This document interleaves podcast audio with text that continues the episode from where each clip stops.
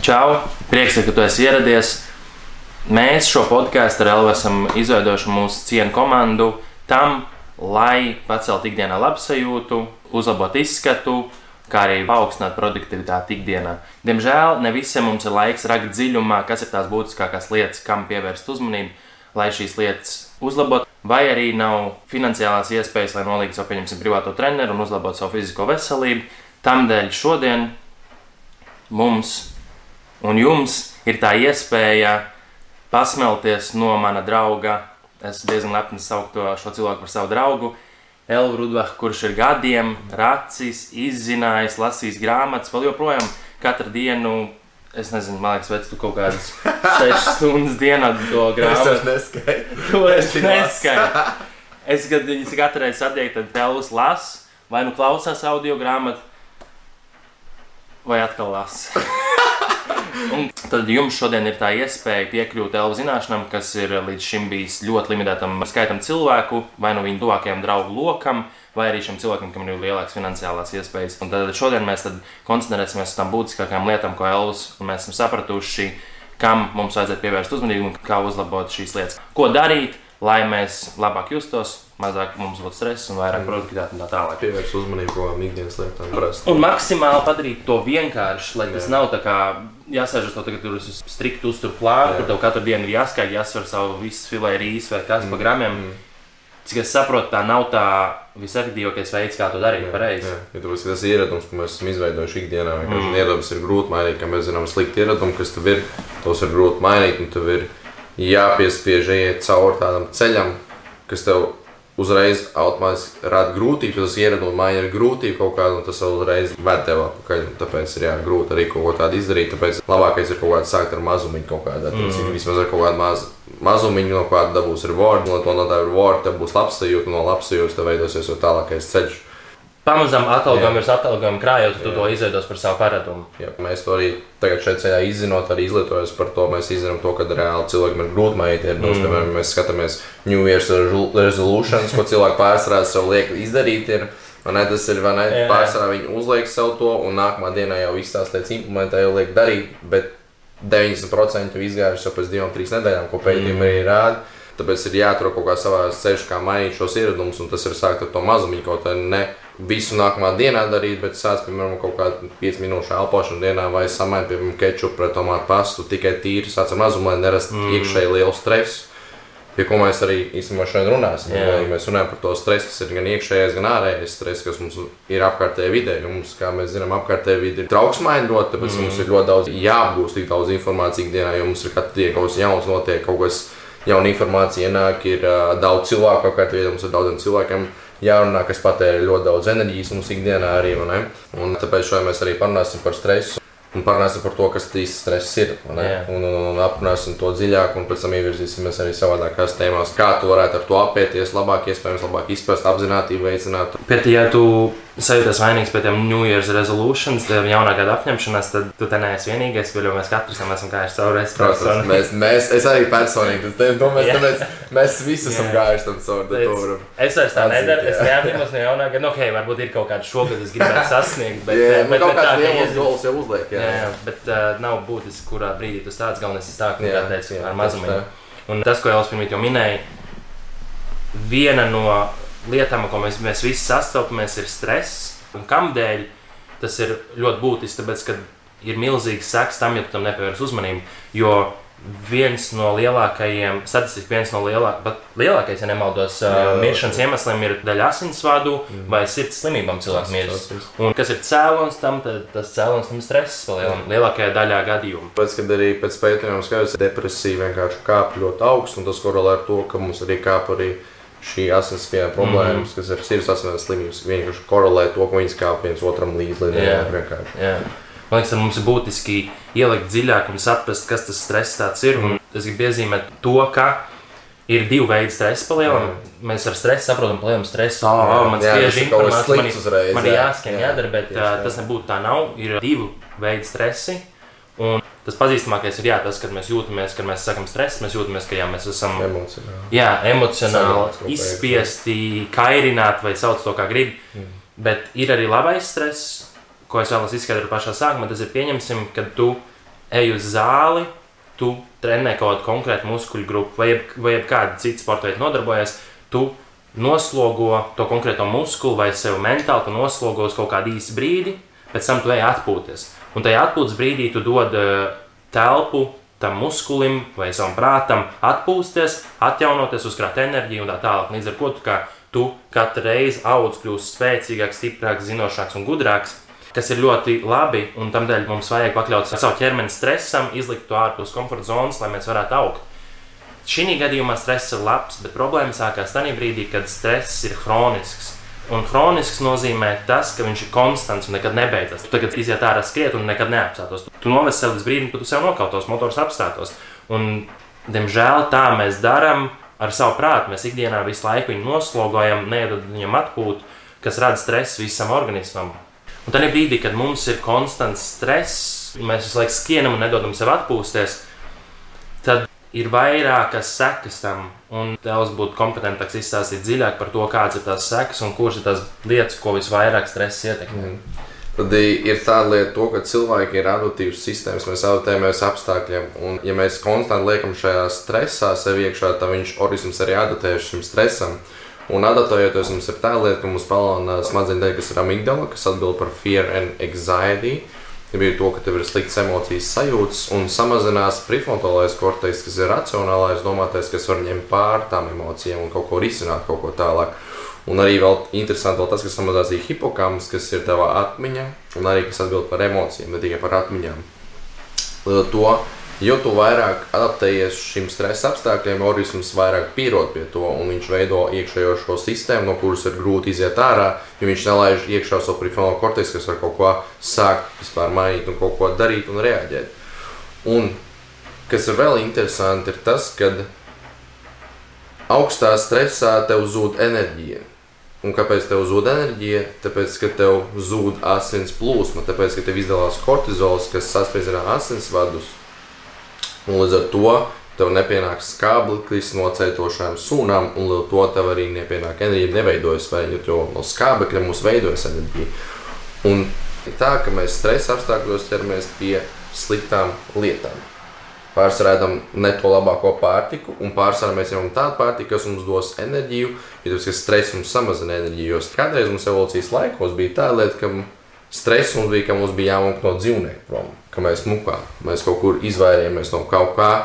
Bet mūsdienās mēs tikai stresojam par tādu lietu, kas ir tikai tīri Twitterī, kāds uzrakstījis, vai kaut kas, kā vispirms kāds ar mašīnu, tu uzskrēji virsū vai kaut ko, un tu sāc saspringt. Un saspringzums patērē enerģijas, un ko es vēl gribēju pateikt ar to, ja tas patērē enerģijas, tad tu vēlēsies enerģiju uzņemt, ja tu vēlēsies enerģiju uzņemt, tas ir pārsvarā kaut kāds ātrs, tūlītais ēdiens, kas būtu, piemēram, cukurs. Mm. Pie kā pārsvarā cilvēks sniedz, un viņi nevar no tā atteikties. Kas, un cukurs dod arī tūlītēju apmierinājumu, jau labas emocijas, Instant, instants, labas emocijas, tūlīt enerģiju, un tu vari tālāk jau operēt ikdienā. Mm. Bet tas īpaši labi nav.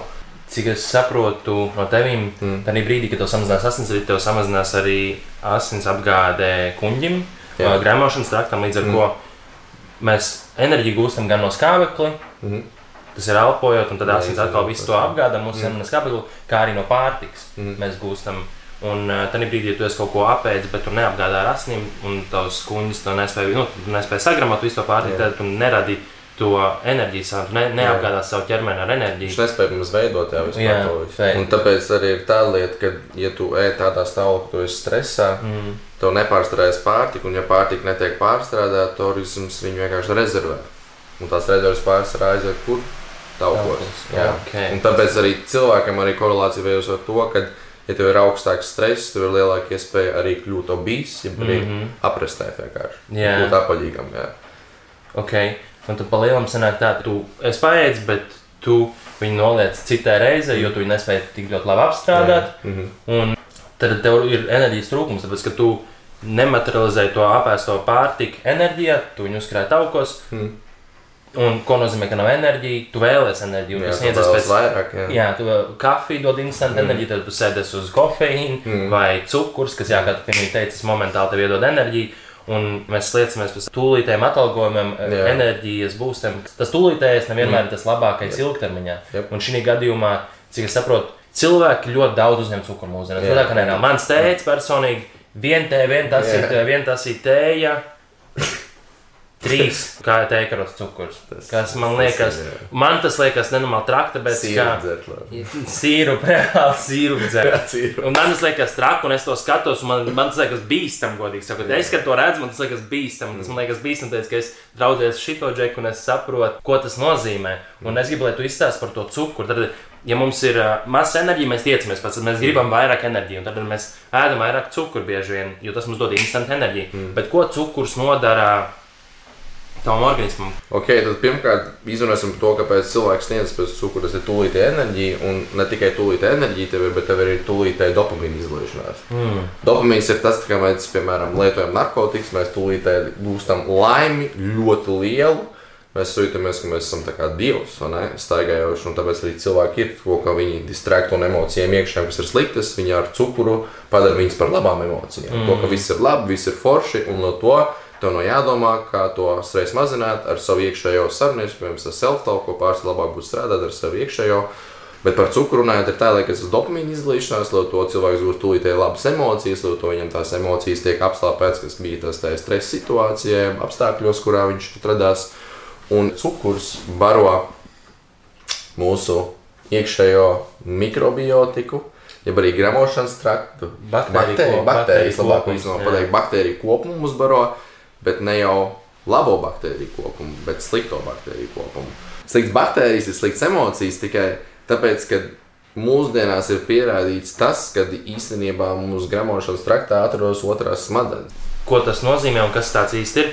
Palielinājumā mums vēdā ir triljoniem baktēriju, kas, tu teici, no 14, 15 gadu laikam ir zinātnieki sākuši pētīt to, to baktēriju kopumu sauc par mikrobiomu. Mm. Un no 14, 15 gadu sākuši pētīt, mm. un uh, tie zinātnieki ir visi diezgan lielā sajūsmā par to, ko viņi ir atklājuši, un tā kā neizpratnē un šokēti. Tādēļ, ka, kā jau es teicu, to mikrobiomu, to baktēriju kopumu sauc par otro smadzeņu vai otro intelektu. Mm. Kad tu pirmie teici, sliktas baktērijas nozīmē mm. sliktas emocijas, mm. un labās baktērijas nozīmē labas emocijas. Mm. Un jebkurš lēmums, kur tu pieņem ikdienā, jebkāda darbība, ko tu dari, ir uz emocijām balstīta. Un tad, ja tu, tu slikti jūties, tu pieņem sliktus lēmumus. Ja tu labi jūties, tu labus lēmumus pieņem. Kā tu jūties, tā tu rīkojies. Un tāpēc ļoti būtiski ir pievērst tam uzmanību tieši mikrobiomai un bakter tam baktēriju kopumam, kas tev ir vēdā. Mm. Jo kādas tev būs tās baktērijas, tā tu jutīsies. Tāpēc, kad reāli tev šajā iekšējā mikrobiomas kopumā izdalās serotonīns.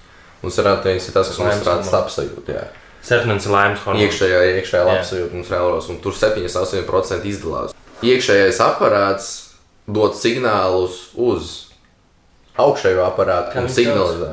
Kā viņi sauc, tu teici to Vegas nerve. Viņa Vagus saucās nerve. Vegas, Vegas tikai tāpēc, ka no grieķu valodas Vegas nozīmē travelers, jeb arī ceļotājs. Mm. Kā, un viņam ir tāda, ka tas nervs ir, iet uz augšu, uz smadzenēm, un viņš iet arī pa visiem orgāniem. Mm. Un to ir tā lieta, ka viņam praktiski tā Vegas nervam, jeb tam ceļotājam, ir ā, tā aktivitāte, kurš ko kādu funkciju viņš pilda, ir tas, ka viņš ieslēdz un izslēdz. Mm -hmm. Un arī viņš arī izējot no vis tā, rada praktiski to, kas notiks reāli. Kā vajadzētu reaģēt uz šo attiecīgo situāciju. Mm -hmm. Ko, ja, piemēram, vai asinsspiedienu jāpalēm, vai jāsamazina, vai man kortizols jāizdala, vai neizdala. Mm -hmm. Viņš tā kā kontrolē visu iekšējo sistēmu.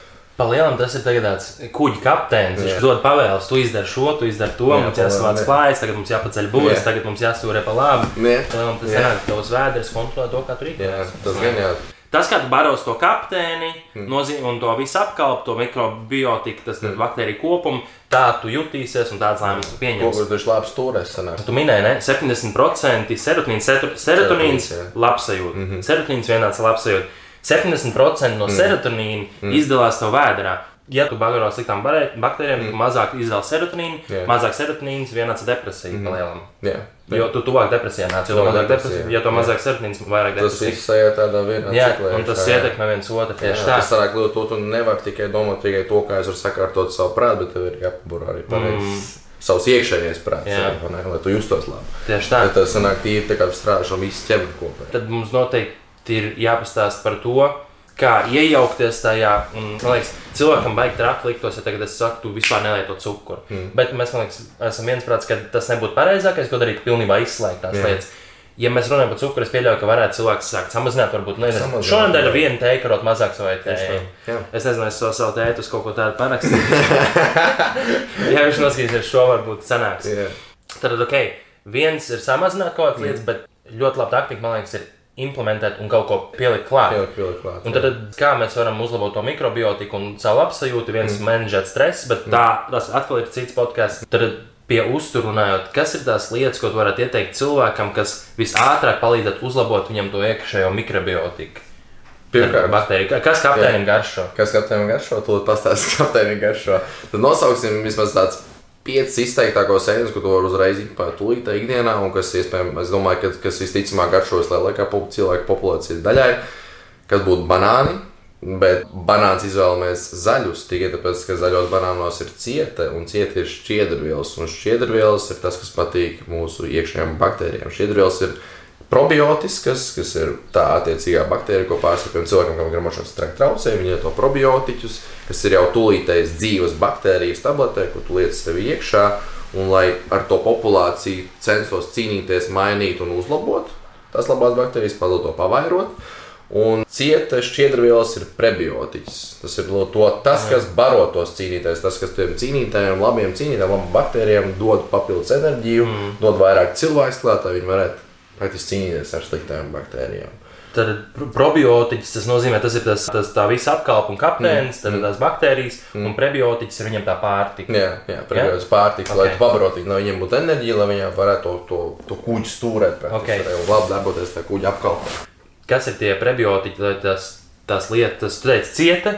Cieta. Cieta, tāpēc ka tas cieta ir vienāds ar šķiedrvielām. Mm. Un šķiedrvielas tas, kas tie ir tie ir prebiotiķi. Prebiotiķi, jā. jā Tie tas, kas baro tās labās Mm. baktērijas. Tur Ok. okay. četrvielas arī varam atrast arī dārziņos ļoti daudz, Ok. okay. būtu izteikti ļoti, piemēram, ko arī cilvēks var implementēt, tūlītēji tāpēc vienkārši savai dārziņam ikdienā, piemēram, mm. ieliec iekšā savai riekstiem, piemēram, arī ir ļoti labs variants, piemēram, pieliec arī. savai riekstiem, ko vam biespienam vai ikdienā kaut kādiem salātiem pār salātiem ļoti labi mm. arī to izpārit pārunē. Un uh, sēklas arī ļoti labs produkts, ko varētu. Un, Vēl ko es pats īstenībā ļoti cienu ikdienā, ir melnā šokolāde. Mm. Un to daudz cilvēku īstenībā nezina, ka melnā šokolāde arī ir tas, kas baro tos iekšējās baktērijas, mm. labās, kas ir jau prebiotiķis. Un cilvēkiem, kam iespējams izteikti ļoti vēl saulumu garšo, vēl papildus, kas nevar iespējams to cukurājot, piemēram, tai pašai tējai un tā tālāk, mēs varam pievienot medu. Mēdz arī ir prebiotiķis īstenībā. Ok. Okay. Tas arī varo labās baktērijas, un arī mēdz arī ir imūnsistēmai ļoti labs, mm. un viņš arī pielīdzināms arī kaut kādā ziņā depresantiem, viņš uzlabo arī, viņam ir nutropisks efekts, kas uzlabo arī atmiņas darbību. jeb brīvā. Medu ir cukurs. Jā. Tad kā šajā gadījumā tas cukurs? medū ir vat interesanti tas, ka viņi tur ir cukurs, bet viņam ir nav augsts likemiskais indeks. Likemiskais indeks uzsū, nozīmē to, ar kādu ātrumu uzsūksies Ok. šī lieta. Mm. Ja brīd, cik ātrā laikā man izdalīsies enerģija, piemēram. Mm -hmm. Cukuram, piemēram, likmēsies 1 pie 90, kas mm -hmm. ir pie 100, kas ir ļoti augsts ātrums. Mēs tūlīt iedabūjam enerģiju, un pēc tam jau mums atkal ir jāpalielina šis cikls, ja vēl atkal, atkal turpināt mm -hmm. tos visus. Bet medum ir pie 52 likmēsies indeks, kas ir jau uz 50% mazāks, tad mēs 50% jau zaudējam. Un arī tas ir komplekso hidrāts, kas skaidrs par kompleksiem, kad enerģija ir vienmērīgāk izdalās. Jā, viņi tā kā vienmērīgāk tev izdala to enerģiju, bet tajā brīdī, ja tu apēdi, pieņemsim, nu, nezinu, to teikro cukuru vai snikeri, tad tajā brīdī tu iedod momentāli Jā. enerģiju, un pēc tam ir nenormāls enerģijas kritums jau tā. Un arī tā pašā laikā, arī, ja mēs salīdzinām to, ko mēs pamēram cukuru ar medu, medu ir ļoti daudz vitamīnu. Viņi mm. ir minerāli, vēl vēl baburolabās baktērijas, lai to baburolabās baktērijas, to prasīsies vairāk arī ēst labus ēdienus, tikai sliktās baktērijas, ja tev ir vairāk populācija, tad viņi prasīs arī to Jā. ēdienu. Viņas arī vēlēsies pabarot sev, un cukurs ir tas, kas baro, un tad arī mums prasās vairāk. Bet, ja mēs ēdam, aizjūtam jau to medu, ar cukuru, kas ir identiski vienāds, mm. bet viņš baros tās labās baktērijas, lai to viņš nomālos tās sliktās. Un to jau lēnām varēsi arī mainīt to mikrobijas iekšējo sistēmu arī tādā veidā. Un nemazinot to saldumu ikdienas kaut kādas. Mm.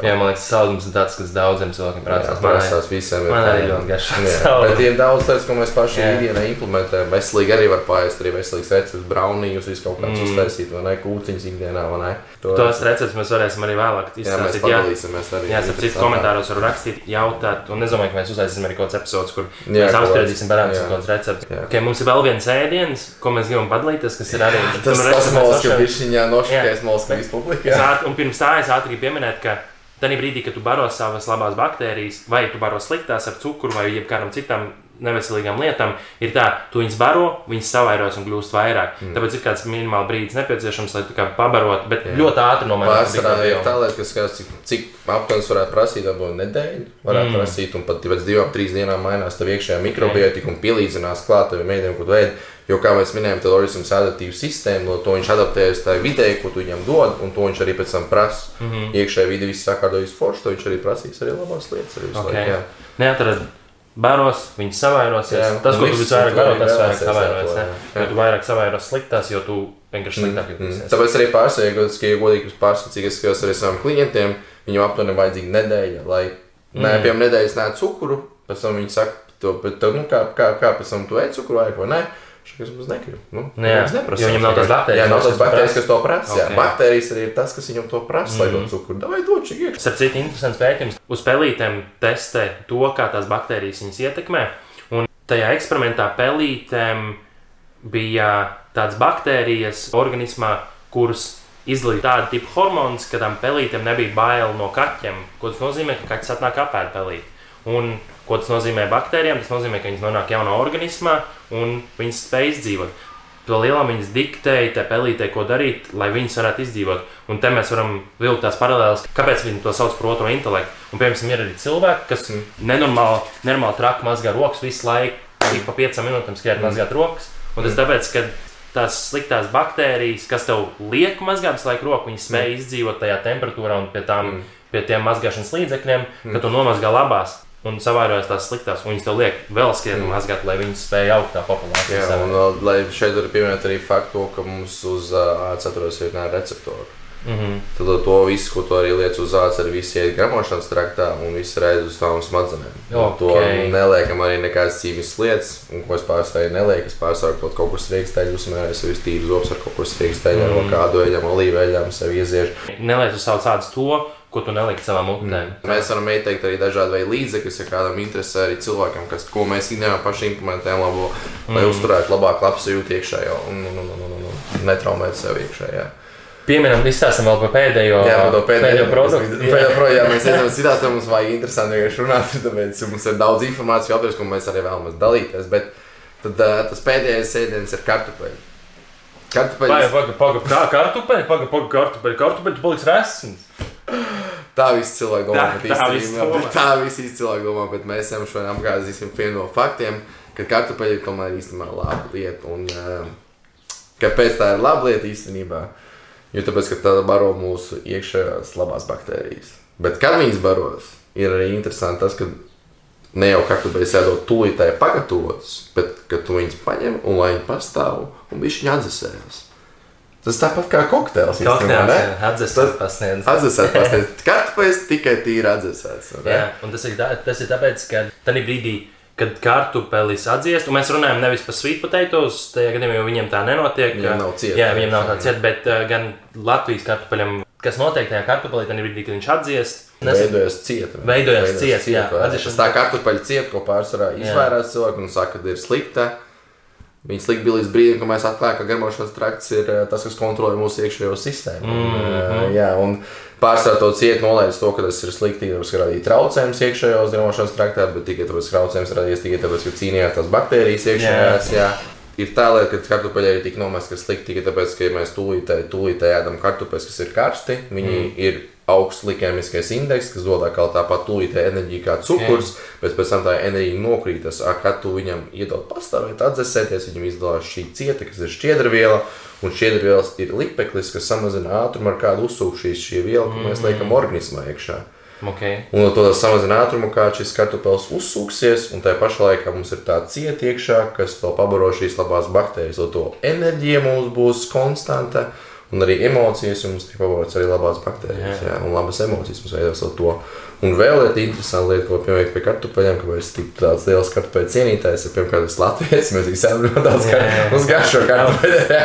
Bet mēs to saucam par kaputeļiem. Kaputeļiem. Vai tā ir, ne, īstenībā kaputeļi ir tā recepte, ko mums jums vēlāk izstāstīt, bet tas atkal ir bišķi tālāk. Bet kaputeļi. Jā, un arī ir tādēļ, ka, ja mēs salīdzinām, piemēram, kartupeļus ar kaut kādiem rīsiem, Tādēļ, ka īsos, ja tu skaties, ir tikai olīhidrati, bet vairāk nekas īsti nav. Ne šķiedrvielas, kas piemēram, mm. labās baktērijas, ne arī vitamīna daudzums. Vitamīna daudzums ir ļoti zems. Un, un, un, ja mēs paskatāmies kartupeli, kā salīdzinām, ir atkal ļoti daudz vitamīnu iekšā, ir arī šī cieta iekšā, un arī ir ļoti lielos daudzumos arī kālijas. Un kālijas īstenībā, ja mēs skatāmies pētījums epidemioloģiskiem datiem, vien, viens no trūkstošākajiem minerāliem, kas mums ikdienā trūkst. Par ko kālijas atbildīgs? Par loģistiku ķermenī. Tā pateikt, labāk. Īstenībā nervu sistēma spēja pārnest signālus, mm. signalizēt, ko darīt, piemēram, kā justies šajā brīdī, muskuļiem dot enerģiju attiecīgo, jeb arī šis kālija un sodījuma pumps, ir nātrija kālija pumpis, mm. ir tas, kas mainās visu laiku un dod mums enerģiju, dod papildus tālāk, pēc tam atkal apmaina, izved ārā. Pēc tam tas ir kā, kas to sistēmu, kā tos impulsus dod. Tos impulsus gan okay. muskuļu impulsus, gan nervu impulsus, tā kā elektrība pārvada un tā tālāk. Un interesanti tas, ka notievē. Jā, jo tāpēc ir arī vēl, ko mēs varam pievienoties pie šejienes, uzreiz ir tāda kartupeļu diēta speciāla. Jo cik daudz kartupeļus varēs apēst dienā īstenībā? Nu, divas kilograms maksimums, viena okay. varbūt. Nu, tas būtu tāds.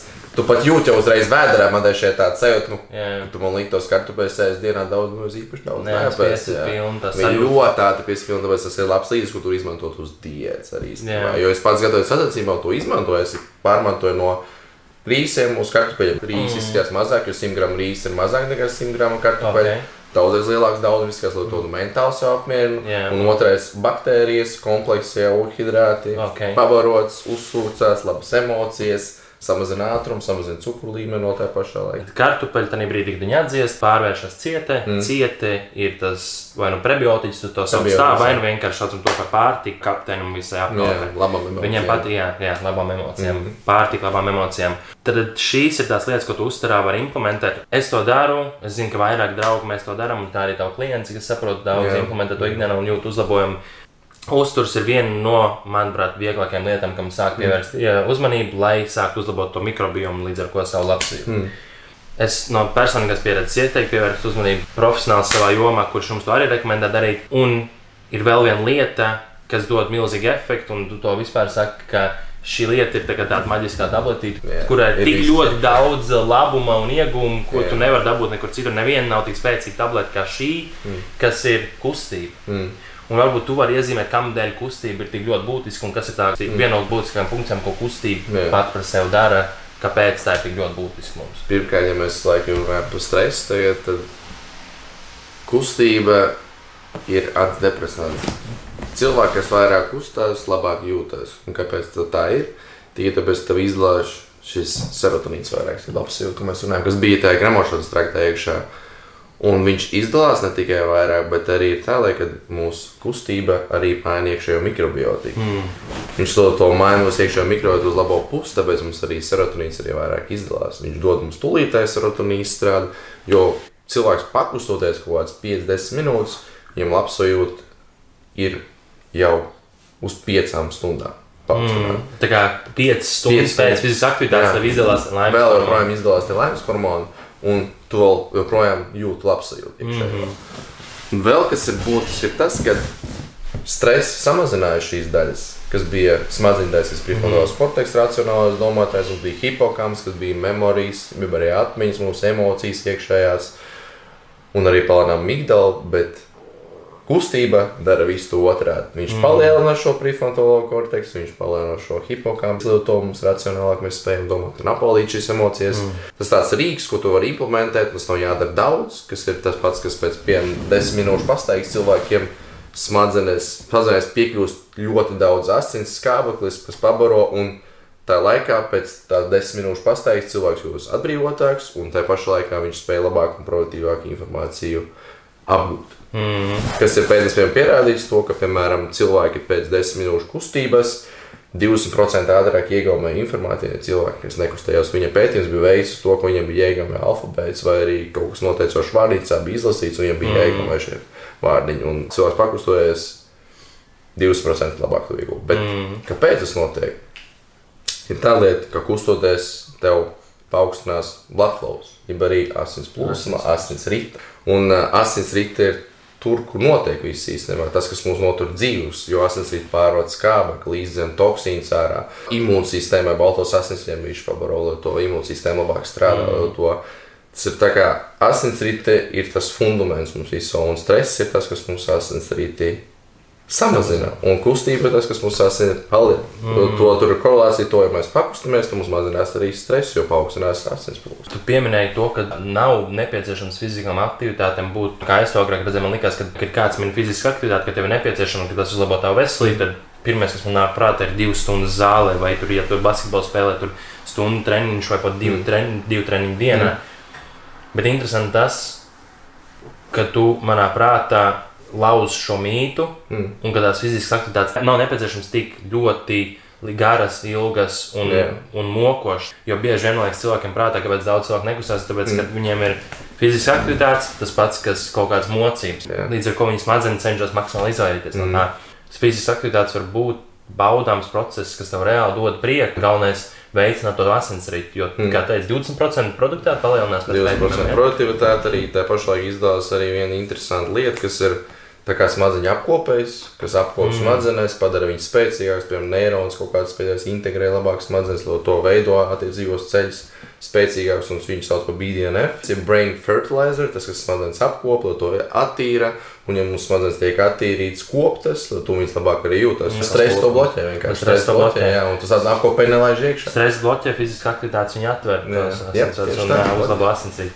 Un, kad tu man šo izstāstīji, es biju diezgan šokēts to, ka fiziskas aktivitātes, vai sauksim to par kustību, kustība vienāds ar dzīvību.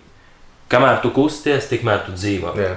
Kad tu beidz kustēties, tu sāc lēnām nomirt. Jā, ja tāpēc, ka nav asins plūsma, nav enerģija vairāk. Jo, kad mēs skatāmies, piemēram, kā cilvēks nomirst, viņš atrofējas. Ja muskuļi atrofējas, viņš nevar pakustēt, viņš guļ uz gultas, viņam asins vairāk nerit, ja asins vairāk nerit, nav barības šūnām, Šūns tas, kas mūs uztur mm. dzīvus, no to mēs nomirstam. Un ir tāda lieta, ka arī muskuļu atrofija sākās pēc 40 gadiem jau mūsu. Ne tikai muskuļos, bet arī smadzenēs. Pēc 40 gadiem tavs prefrontālais korteks ir racionālais domātājs, kas spēj kontrolēt tavas emocijas, tavu ikdienu, plānot tavu ikdienu, motivēt tevi samazināt par 5% pēc 40 gadiem. No to tā laikā pat īstenībā vēl svarīgāk mm. kustēties, vēl svarīgāk ir muskuļus kustināt, lai ir asinsrīte regulāri, lai ir barības ielas, lai viņš spēj visu laiku būt jauns un dzīves mm. un apkopts. Fiziskas aktivitātes uzlabo tev asinsrīti, līdz mm. ar to tu apgādā visu ķermeni ar tām nepieciešamajām barības vielām, enerģiju. Un tādā veidā, ka tu apgādā visus šos reģionus, viņi turpina funkcionēt. Mm. Tad brīdī, kad tu apsēdies uz gultas, Mm. Es to ar vecākiem varēju ļoti novērot. Tajā brīdī, tikko viņi apsēdās uz gultas, tu vienkārši redzi, cik nežēlīgi strauji progresē tas viņa novecošana, Jā. cik ļoti ātri viņa noveco līdz brīdim, kad viņa aiziet. Mm -hmm. Tu minēji, cik tieši dienā vajag to kustību, cik ilgi to pietiek. Un varbūt var izstāstīt arī mm. par to, kā tu implementē kustību, kas arī paņēma no teviem, un kas, ko es ļoti ļoti mm. benefits tam. Un tas man neizsit no dienas rīta, man nav jābrauc mm. stundu uz zāli, pēc tam jāiesildās pusstundu, mm. pusotru jātrenēs, un vēl stundu apakaļ iebrauc beigās, tas apēd 4 stundas Jā. dienā. Man. Tad uh, varbūt izstāsti to tehniku, kā tu dari un mm. cik daudz to dari. Kā es to daru dzīvē, jo es zinu, ka to, tos visus benefitus dod, ja man ir apzināti, to, kas antidepresants izdala serotonīnu, veido vairāk dopamīna receptorus, dopamīns ir dopamīns ir laimes hormons, dod man lielāku laimi, lielāku motivāciju, jo dopamīns tas, kas man vēl tālāk, lai mm. to vēl tālāk liedz darīt, plānot man nākotni, to. Un, Asinsrīt, asinsrīt tas, mūs uztur dzīvi, tas mūsu uztur veselību, un asinsrīt paaugstinoties, mums asinsrīt paaugstinās ne tikai muskuļus, mums paaugstinās arī smadzenes, lai to es produktīvāks spēju kļūt un būt. Un tāpēc ikdienā, ko es daru, es kustos visu dienu vienkārši. Un tā kustība ir pat īstenībā minimāla, kas tev ir jāizdara, lai tu gūtu attiecīgo rezultātu. Ja tu kusties stundu, ir tas pats, kas pielīdzināms, ka tu kusties desmit minūtes. Tagad jā, tie augļi, augļi no tās kustības, jā. piecām minūtēm var būt tikpat liela. Tikpat liela, liela cik tu stundā to izdari. Mm. Tas ir reāli, tas pilnīgi tas pats process un, un pilnīgi visi tie paši neurotransmiteri, tā paša hormoni, tā paša labsajūta, tā paaugstinās, tā paša mikrobiotika tev mainās. Tas ir tikai tīri pakustos. Un kā es to implementēju, es piemēram tā, ka es pārsvarā 40 minūtes kaut ko pastrādāju, padaru. Un zinot, ka man produktivitāte paaugstinās pēc pakustēšanos, Ko es daru pēc tam 45 minūtes pakustos? Ir tāpēc, ka es jūtu, ka man enerģija zūd jau pēc tam 45 minūtēm. Es nespēju fokusēties vairāk, labi izpildīt izdarbību, man nav tā motivācija vairāk liela. Ja es zinu, es pakustos, tad būs motivācija, lai to pakustos un pakustos 50 minūtes. Izdarot aplīti ar visām muskuļiem, izējot cauri. Mm. Un kā atkal dodos pie darbiņa, kā atkal pastrādāju, ko padaru. Un tad es atkal pakustos, un tā es implementēju dienā šīs kustības, gan trīs vai četras reizes pat dienā īstenībā. Mm. Izejot cauri, tas kopumā salīdzinājumā īstenībā pat 40 minūtes kaut kādu workout. Mm -hmm. Bet tas ikdienā no jādara, kā man, es varu 40 minūtes, piemēram, bet tur ikdienā izēju pat tās 10 minūtes, pakustēties. Un, Tas jau dos tev to rezultātu, apsijūtē, tev būs apsijūta lielāka, tev būs labākas emocijas, un tev būs vispār labāka ikdiena, labāka lēmuma pieņemšana arī. Tāpēc pat nav jādara tas viss lielais daudzums, kas ir tā stunda, divu stundu zālē. Jo īstenībā arī mums laiks ir maz, mm. ne, mums pietrūks laiks. Un, ja mēs skatāmies, cilvēki ļoti daudz meklē, kā es vairāk laika varu būt dzīvē. Mm. Jo laiku nevar vairāk apakaļ patīt. Tev to, kas ir dots, to, tas, tas ir jāizmanto ikdienā. Un tas laiks mums nav daudz, ceļš, mums trauks, mums daudz darbies, un viss kaut kas mm. jādara ikdienā, jāskrēj. Mums ir ģimene, mums ir draugi, mums viss kaut kas, un tas mums atņem enerģiju. Mums negribas braukt uz zāli, vēl papildus mm. ko darīt, vēl, kas vēl paņems enerģiju, paņems laiku, un tam man nesanāk šim laiks, tam laiks. Tāpēc kur nebrauc palies mājās, vienkārši pakusties, un tev būs viss tas pats.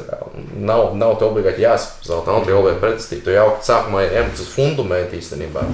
Sākumā iemācījos, piemēram, pietupies, kā, kā pietupies. Uztais, piemēram, mm. desmit reizes izjūt to muskuļu, tāpēc, ka izjūtas arī ir svarīgs. Vizualizācijas ir pats svarīgākais moments šajā. Jo cilvēki, kas, piemēram, trenējās, darīja pietupienus, un cilvēki, kas vienkārši sēdēja un iedomājās, ka viņi darīja pietupienus, mm.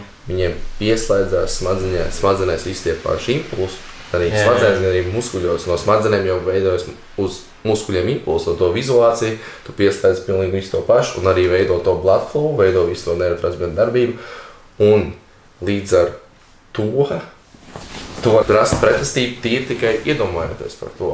Un viņiem bija tā, ka šajā pētījumā auga ne tikai tie, kas gāja trenēties zālē, bet tie, kas arī sēdēja un vizualizēja. Mm. Viņiem tikai rezultāts 20% zemāk. Iedomājieties!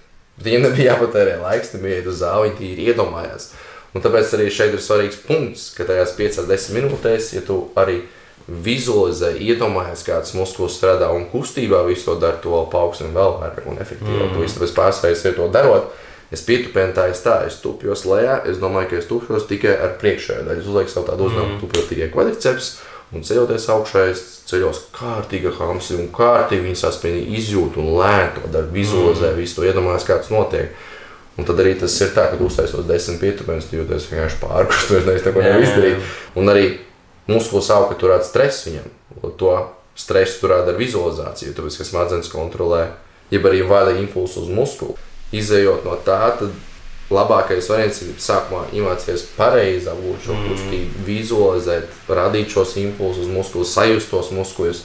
Jo ar sajūtām mēs redzam lielāku platformu, un no platformas mēs dabūjam, ja pabarojam muskuli. Mm un pavarot muskuli, muskulis augsts. Neparosim muskuli, arī nepiegādāsim asins šeit, jo ar domām, ja mēs pieslēdzam muskuli, tad mēs redzam asins arī tur, ja impulss iet, un tā asins arī aiziet. Bet ja mēs tīri tupimies un nedomājam par to, kādu musuli mēs gribam to celt, tad mums arī asins arī nepārās, impulss arī neaizies. Lai to, ja mēs nepiedomājam par kustības, ko mēs darām, ja mēs neaizdomājamies par to, tad mēs arī neredzam asinsritu šeit, un no to anabolisks efekts, ja arī muskuļu augšana nenotiks. Mm -hmm. Tos ir vēsturē zālē, kur cilvēki arī kļūdās, ir tā, ka viņi cilā, bet viņi nedomā, ko viņi dara. Viņi nedomā, kāds muskulis strādā, viņi neapzinās vispār, kāds muskulis strādā, bet kā tu vispār vari savā ziņā trenēties, tu neapzināties, ko dari un kā vispār tas notiek, un kāds muskulis strādā, un kur ir vismaz maz stress. Ir. Bet, ja tu trenējot biceps, domā par kaut kādām citām lietām, kas tu jādara, piemēram, pēc treniņa, un tad tev neaiziet tie impulsi, un neaiziet tās asinsrites, to tu nemaz nenotrenē to muskuļu kā tādu. Tāpēc es domāju, kāpēc man muskuļi vispār, nu, es trīs gadus trenējos, man nekāda rezultāta nav. Mm. Tu esi zālē, tu esi stresā, tu neatbrīvojies, tu slēdzi mauc kaut ko, nepiedomā līdzi, kā dara, nevizualizē to visu, neizdomājies visu, nesprindzinās kārtīgi un ne, neizjūt to visu, to, un to aiziet prom no kā aizskriet, bet rezultāts nekas no tā viss nav. Es šito ļoti labi sācu izjūt. Tajā brīdī, kad man pateici, galvenais nav svars, kā mums visiem liekas, mēs aizskrien uz zāli. Tagad pēc iespējas maksimāli ātri progresēt tajā, cik daudz var pacelt. Protams, tas baro tā ego, ka redz cilvēki, ka tu cel liels handels un tā tālāk. Bet kaut kādā vienā brīdī man sākās mind wanderings, un tas, ko teicu, būdams zālē, domāt citas lietas. Mm -hmm. Ar visu to, ka es maucu to pašu pašās un tālāk, es jūtu, ka es neprogresēju. Un tad tas, ko tu pateici, ir galvenais, ir muskuļu kontrakcija. Tas nozīmē saspringzinājums, cik Jā. ļoti spēj nopelnīt, jā, radīt stresu, cik ļoti spēj likt fokusu mm. uz to konkrēto muskuli un viņu nodarbināt. Un es pārslēdzos uz pilnīgi savādākiem treniņiem. Es ņēmu vienkārši daudz, daudz, daudzreiz mazāk svars. Mm. Ego tas bija sāpīgi redzēt, ka tie paši cilvēki tagad redz, ka tās mazās hantelītes. Jā, jā, tu trīs kaut ko, ne? Jā, un, un tu vēl trīc, tieši tā, tu vēl mm, ar tām mazajām hantelīm uz Jā. pēdējiem. Bet es jūtu lielāku progresu, un plus es jūtu, kā man viss ķermenis uzlabojas. Un mēs taisām e-book par fiziskām aktivitātēm. Jo mēs saprotam, ka ir grūti tajā brīdī, ja tu vēlēsies pirms uzsākt nodarboties ar kaut kādām fiziskām aktivitātēm. Ir ļoti grūti tā vienkārši ielikt. Kā es teicu, pirmie tāpat kā uzturam, tā ir pilnīgi jauna valoda. Tev jāapgūst, ko darīt, kā darīt un no kā sūkt to informāciju. Jo internets ir pilns ar visu kaut kādam. Tur šāda diēta, tāda diēta, gurķa diēta un nezinu, vēl kāda diēta. Tāpat tas arī tām treniņu programmām ir tik nežēlīgi daudz, ko tu vari darīt. Mm. Ka tu nezini, ko darīt. Jā, īsti. kas, Jā, kā, kāpēc tas ir sarežģīti, kas notiek? Jā. Un man bija tā ekskluzīva pieeja tev visu laiku, mm. un es jūtu, ka es varu atnākt pie tevis, un tu pasaki, tas ir fufels, Anģis. Tad- Kā nu tā es neteicu, bet labi. Bet, nu, jā, nu, daudz lietas to apgāz man, kur es domāju, piemēram, reku, kaut kā tas pats kartupeļs. Kartupeļi slikti. Mm. Uh, daudz domā, bet nē, kartupeļi na- nav slikti. Viņi tieši var tev dot pienesumu dzīvē, ja tu to pareizi implementē savā ikdienā. Mm. Mm. Ja tu viņus pareizi pagatavo un tā tālāk, un ir tik nežēlīgi daudz lietas, kas man šķiet, kas ir absolūti un patiesi, ko tu esi apgājis. Kaut arī tas pats, mm. ka man liekas, ka jācer lielāks svārds, tad tu vairāk progresēsi. Nē, jo tu labāk spēj nodarbināt to vienu muskuli mm. un koncentrēties labāk viņu noslogot, tad tu progresē tajā. Mm. Tas, ka man ir bijusi tā pieeja tev, visu laiku, un tā informācija, kas tev ir, mm. tu man trenējies, es tāpat tās uzturot daudz padomus un tā tālāk. Tas man tik milzīgi pienesums dēļ dzīvē, es jūtu, kā es progresēju. Tu implementē vienu lietu, tu jūti, ko es labāk, jūtos. Mm. Un tomēr tas laiks limitēts, un tu nevari visiem katram Jā. individuāli izskrētīt. Tāpēc paņemt tās zināšanas, apkopot vienā un vēl apdomāt to, kas ir tie mentālie bloki, kas mums rodas, kas ir tie apgrūtinājumi, kā piemēram laika trūkums, nevēlēšanās darīt, jo tas mums asociējas ar kaut kādām sāpēm, tās fiziskas aktivitātes tā tālāk. Kā tās visas negatīvās lietas aizņemt prom un uztaisīt maksimāli baudām to pieredzi, kas tev dod maksimāli pienesumu ikdienā. Un tad tas, tas produkts, ko mēs izstrādājam, ir e-books, kas būs fiziskas aktivitātes, kur mēs apstāstām, kā tev darīt, ko tev darīt. Un tas aizņem reāli desmit minūtes maksimums ikdienā. Un, lai mēs nebūtu tādi hipokrāti, kas vienkārši skrien ar karogu pa priekšu un bļauj, ka šī tā būs, es pilnībā nomainīju savu treniņu grafiku. Es vairs neju uz zāli jau vairākus mēnešus, un es tikai šāda tipa vingrinājums daru, kas man dienā, es tiešām man paiet dienas, kad es nenotrenējos citreiz pat vairāk par septiņām minūtēm, reāli dienā septiņas minūtes. Es cenšos vairāk 50 minūtes, piemēram, mēs palas grāmatu vai es pastrādāju pie uh, citiem darbiem, un pēc tam es 7 minūtes pakustos, 7 līdz 10 kā kur reizi. Mm. Es jūtu, ka es esmu gatavāks tam nākamajam 50 Jā, minūtēm. Tas, tas, tos 20% produktivitāti tu vienkārši jūti mm. tajā nākamajā raundā, kad mm. tu esi atkal možāks un esi gatavāks strādāt. Labs augstā. Es jau, ja nu jau labs laiks ir pagājis, kopš es daru tos vingrinājumus, viss, kas mums ir e-bookā, mm. Kur tev nav vispār nepieciešams nekāda ekipējums, kā zālēs, hantels un tā tālāk, gumijas, pilnīgi nekas. Tu to visu vari izdarīt vai nu dzīvoklī, vai ārā, vai oficiālā, vienalga, kur tu to vari izdarīt. Jebkur, kur tu atrodies. Un es to pamēģināju ar sevi. Vakar tu man teici, Anģi, tu labi izskaties, Nu tu jā, kompletē tā labi izskaties. Un es, jū, es Jā. tiešām jūtos, man tauku procents ir samazinājies, man muskuļi nav kritušies. Vispār nē. Ļoti, ļoti, ļoti, ļoti priecīgs esmu par to, kur es esmu. Es izkāpu no tā stereotipa, ka man vajag iet uz zāli un konkrēti nav. Nē, nevajag. Mm. Nav nepieciešams. Es patērēju dienā kopumā ne vairāk kā 40 minūtes, un bieži vien pat tās ir 7 minūtes dienā, ne vairāk. Mm. Un- To tu vari sākt, tāpēc, ka tev ir tā, lai, ka tev ir pieredze kaut kāda bijusi.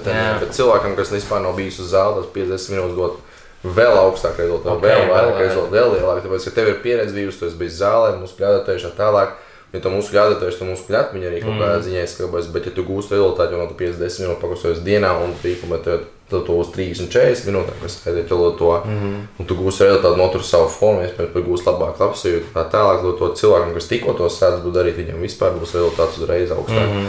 Un šis plāns, ko mēs izstrādājam, ir fokusēts uz to, lai cilvēku vairāk uzstētos. Mēs esam novērojuši to, ka cilvēki vienkārši nekustās, un tas arī aizved šajā depresijā, sajūtajā stresā, nevar emocijas savaldīt, nevar attiecīgi produktīvs būt, iespējams, mazāk. Kustība ir pirmie soļi, kas tev ir jāveic uz labāku dzīvi. Un daudz psihoterapeitu, arī cilvēkiem, kas ar depresīviem simptomiem, mm. iet pie ārstiem. Daudz psihoterapeiti, kas mm. grāmatā arī izraksta tieši sākt ar kustību. Tie jā, ir ļoti labi pirmie tas, jā, soļi. Labākais antidepresants. Tā unikālā maģiskā tabletīte, kas sevi ietver tik ļoti daudz labos ieguvumus, kas nav nevienā citā tabletē. Jā, ka mēs saprotam to, ka tā ir problēma, ka cilvēki nekustas no tā kustība var dot tik daudz tev pozitīvu rezultātu, tik lielu rezultātu, ka tu nevari saņemt no nevienas tabletes. Un tāpēc mēs mēģinām saprast, kā varētu to visu izstrādāt, lai cilvēki to darītu un kustētos. Tomēr vairāk viņiem būtu patīkami to darīt un izbaudīt. Tāpēc mēs arī mēģinām mainīt šos konceptus, izstrādāt savus konceptus, ka mēs vēlamies palīdzēt. Un tāpēc arī mēs testējam pašu uz sevis, un es varu pateikt arī to, ka man arī ļoti daudz šis ir palīdzējis īstenībā. Es kādreiz tā nedarīju to, ko es 5 minūtes pastrādāju un pakustos ikdienā. Un, un, un, protams, seju uz zāli arī, kas ir kā, man, man ir sports veids, man ir sacensības, man ir pilnīgi cits stāsts. Es, protams, piedalos un to nodarbojos profesionāli. Ne? Bet šīs 50 minūtes pakustēšanās ikdienā man dod pat labāks rezultāts zālē, jo es labāk izjūtu muskuļus, labāk spēju kontrolēt savu ķermeni. Jo tāpēc, ka šīs kustības, ko mēs iesaistām arī iekšā, ir tas, lai tu iztaisnotos, tu mobilizētu savu ķermeni, tu iekustinātu visus muskuļus visās, visās, pilnīgi visās pozīcijās, lai to pilnīgi visās pozīcijās pienāk asins, lai to tu nejūties saspringts sakums, un ja tu sakums esi, Tas ir viens rādītājs, ka tev dopamīns ir mazāk. Jo sakums cilvēks arī no ķermeņa valodas puses izskatās, ka tu negribi neko darīt, tu esi vājš. Ar šādu signalizēju, tev ir viss labi, man viss patīk, un es vēlos ar tevi runāt. Ar šādu es nevēlos tur runāt, kas pārstāvīja telefonu spēlēšanu, kā zemē saspringts, atkal nespējam iztaisnoties, atvilkt krūtis atpakaļ, atvilkties, vai kas mums mugur to dara attiecīgi. Un Tāpēc šis sīkums arī izstrādāts tā, ka tas nodarbina muskuļus, iekustina visus muskuļus, iekustina asins. To, to rada ne tikai labsajūta, bet arī pārvaldība pār ķermeni. Teikt, tāpēc, ķermenis un smadzenes ir savienotas lietas, var teikt, mm. tāpēc, ka kustoties to arī smadzenes ļoti labi darbojas, ja arī smadzenes to vairāk darbojas, kustoties, īstenībā arī nodarbinās ar kustību. Tie ir vietas, kad kustības laikā izlaužas visu labāk hormonu, attīstās vislabākās smadzeņu daļas un tā tālāk. Tas ir novērots to, ka tas ir ļoti liels pluss dzīvē, ko to var implementēt. Tāpēc mēs gribam atrast to, kā cilvēkiem radīt interesi par to, un tāpēc mēs izstrādājam šo konceptu, centīsimies ar to reāli palīdzēt cilvēkiem un censties būvēt šo visu kopā un padarīt to vislabāk.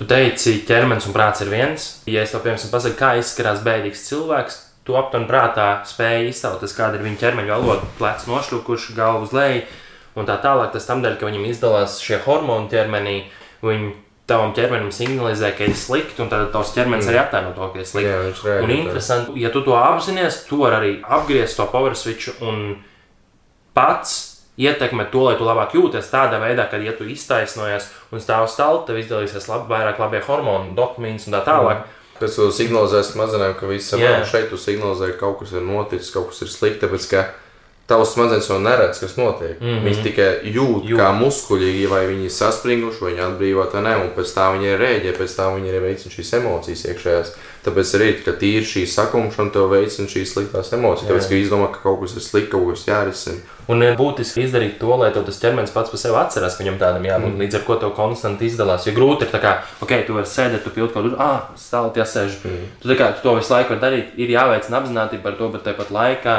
tev ir jānodarbina to muskuļu, lai tev, jā, tas būtu paliekoši. Jā, tāpēc, ka, ja tu nekad neesi iedarbinājis to muskuli, viņš arī nespēs darboties. Mm. Vai, tāpēc, ka, Ja tev, ja tev nav pieredums pie tā kustība, ap to vispār to ķermeni daļu, kas, piemēram, būtu muguras muskuļos, cilvēkiem pārsvarā ir, ka viņi ir salūzuši priekšu, viņiem muguras muskuļi nedarbojas, tāpēc viņi izstiepjas vairāk un dominē vairāk priekšējās daļas, ka mēs pārmantojam viņus, un otru muskuļi tie, kas mums valk apakaļ, jau iztaisno.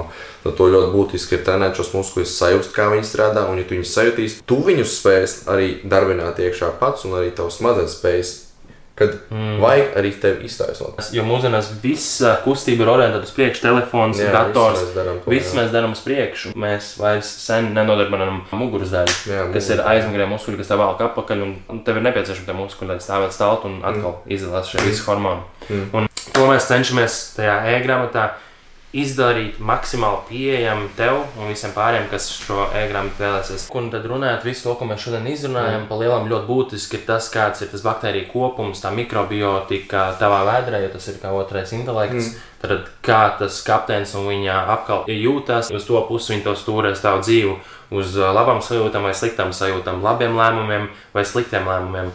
Tāpēc tev par to jāprūpējas. Un viens no veidiem, kas ir, tas ir uzturs. Visi šie, varbūt mēs varam atgādināt, kas bija zaļie banāni, Zaļā banāna, šokolādē, melnā šokolādē, rieks sēklas dārzeņi, ogas. un kaputeļi. Kāpēc? Kaputeļi. Tad tas ir no pārtikas lietām, kas, ko es vienkārši varu implementēt, ar ko iejaukties tajā un sākt barot to apkalpu par labākām lietām, lai tu labāk spētu justies. Un otra lieta ir fizisks aktivitātes. Pilns internets ir ar to, kā to var darīt. Var meklēt YouTube, vai arī mums drīzumā iznāks e-books, ko L savu gadiem uzkrāto pieredzi maksimāli centies tajā izlikt. Es to daru katru dienu, tagad man pilnībā nomainīja savu treniņu programmu, jūtu pienesumu. Un tajā, cik tu konstanti kaut ko dari, tajā ir tā atslēga. Jo tu biežāk darīsi, jo tu vairāk būsi to. Tā kustība jau paliek automātiski. Jā. Ieradumi ir automātiski. Mūsu smadzenes automatizē visu ikdienu, ko mēs darām, lai mums būtu mazāk enerģija jāpatērē, domājot kaut ko darīt. Mm. Jo arī mēs skatāmies to, ka smadzenes ir ļoti enerģijas resursiem prasīgs rīks, jo smadzenes ir 2% no mūsu ķermeņa svara, bet patērē 20% enerģijas. Tas ir Tas ir ļoti daudz enerģijas, daudz patērēts tiek reāli tikai tīri korporējot, Mm. ja integrējoties ikdienā, to viņam ir jāietaupa kaut kā šī līdzi, lai tu varētu vispār operēt. Un, ā, lai ietaupītu, tāpēc arī viņi automatizē un rada ieradumus. Un tam mūsu ikdiena veidojas tā, ka mēs ikdienā darām vienu to plašu pusmīnus. Mums vēl nav jāpiedomā, kā mēs kā mašīnā iekšā, kā mēs apsēžamies. Mēs jau visi zinām, kas notiek aptuveni. Un tāpēc, jo tu biežāk atkārto, lai to tev iesaistītu smadzenes ieradums, lai to tev nav pat jādomā, lai to sāktu darīt. Lai to mums tā kustība ir jārada kā ieradums, un to mēs varam darīt ar mazumiņu sākot, pamazām liekot iekšā, pieradinot ķermeni, pieradinot smadzenes. Mēs zinām, ja mēs darīsim to, vairāk atkārtosim, un nav jāsāk daudz, ir jāsāk ar mazumiņu. Un tad mēs redzam, ka ieradumu, un tam mums pat nav jādomā, un mēs to automātiski jau ejam un darām. Ok, mēs izrunājam tās tēmas, ko mēs gribam šodien apspriest. Tad ir viena lieta, ko mēs vēlamies lūgt, ir tavas atsauksmes, feedback par šo Jā. podkāstu. Kas ir tās lietas, ko mēs varētu uzlabot, kā lai mēs jums sniedzam labāku, uztveramāku informāciju, vai mums vēl dziļāk jāiedziļinās katrā no šīm tēmām, vai tieši vairāk faktus jums dot, kā maksimāli uztveram un patīkam šo deliverot. Un mēs gaidām komentārus, atsauksmes kaut kādas par to, ko uzlabot, ko nē. Skatīsimies, kā mums e-grāmatā ies, un kas jums tajā patīk, un kas nē. Atkal uzlabosim to. Un paldies, liels, ka tu klausies. Paldies, Elvi, ka tu padalījies. Liels. Tiekamies. Tiekamies ar nākamajā podkāstā, un drīzumā mums būs e-grāmata, ko tu varēsi arī sociālajos mēdījos redzēt, kur mēs paziņosim par to. Lai tev viss izdodas, fucking amazing diena tev! Fucking amazing. Yeah. Lai viss dzīve plaukst, un svars samazinās, enerģija aug, un vienkārši tev ikdienā laime plēš. Tā ir plaša, plaša vienkārši. Ar to mēs arī nobeigsim. Cienu! Cienu.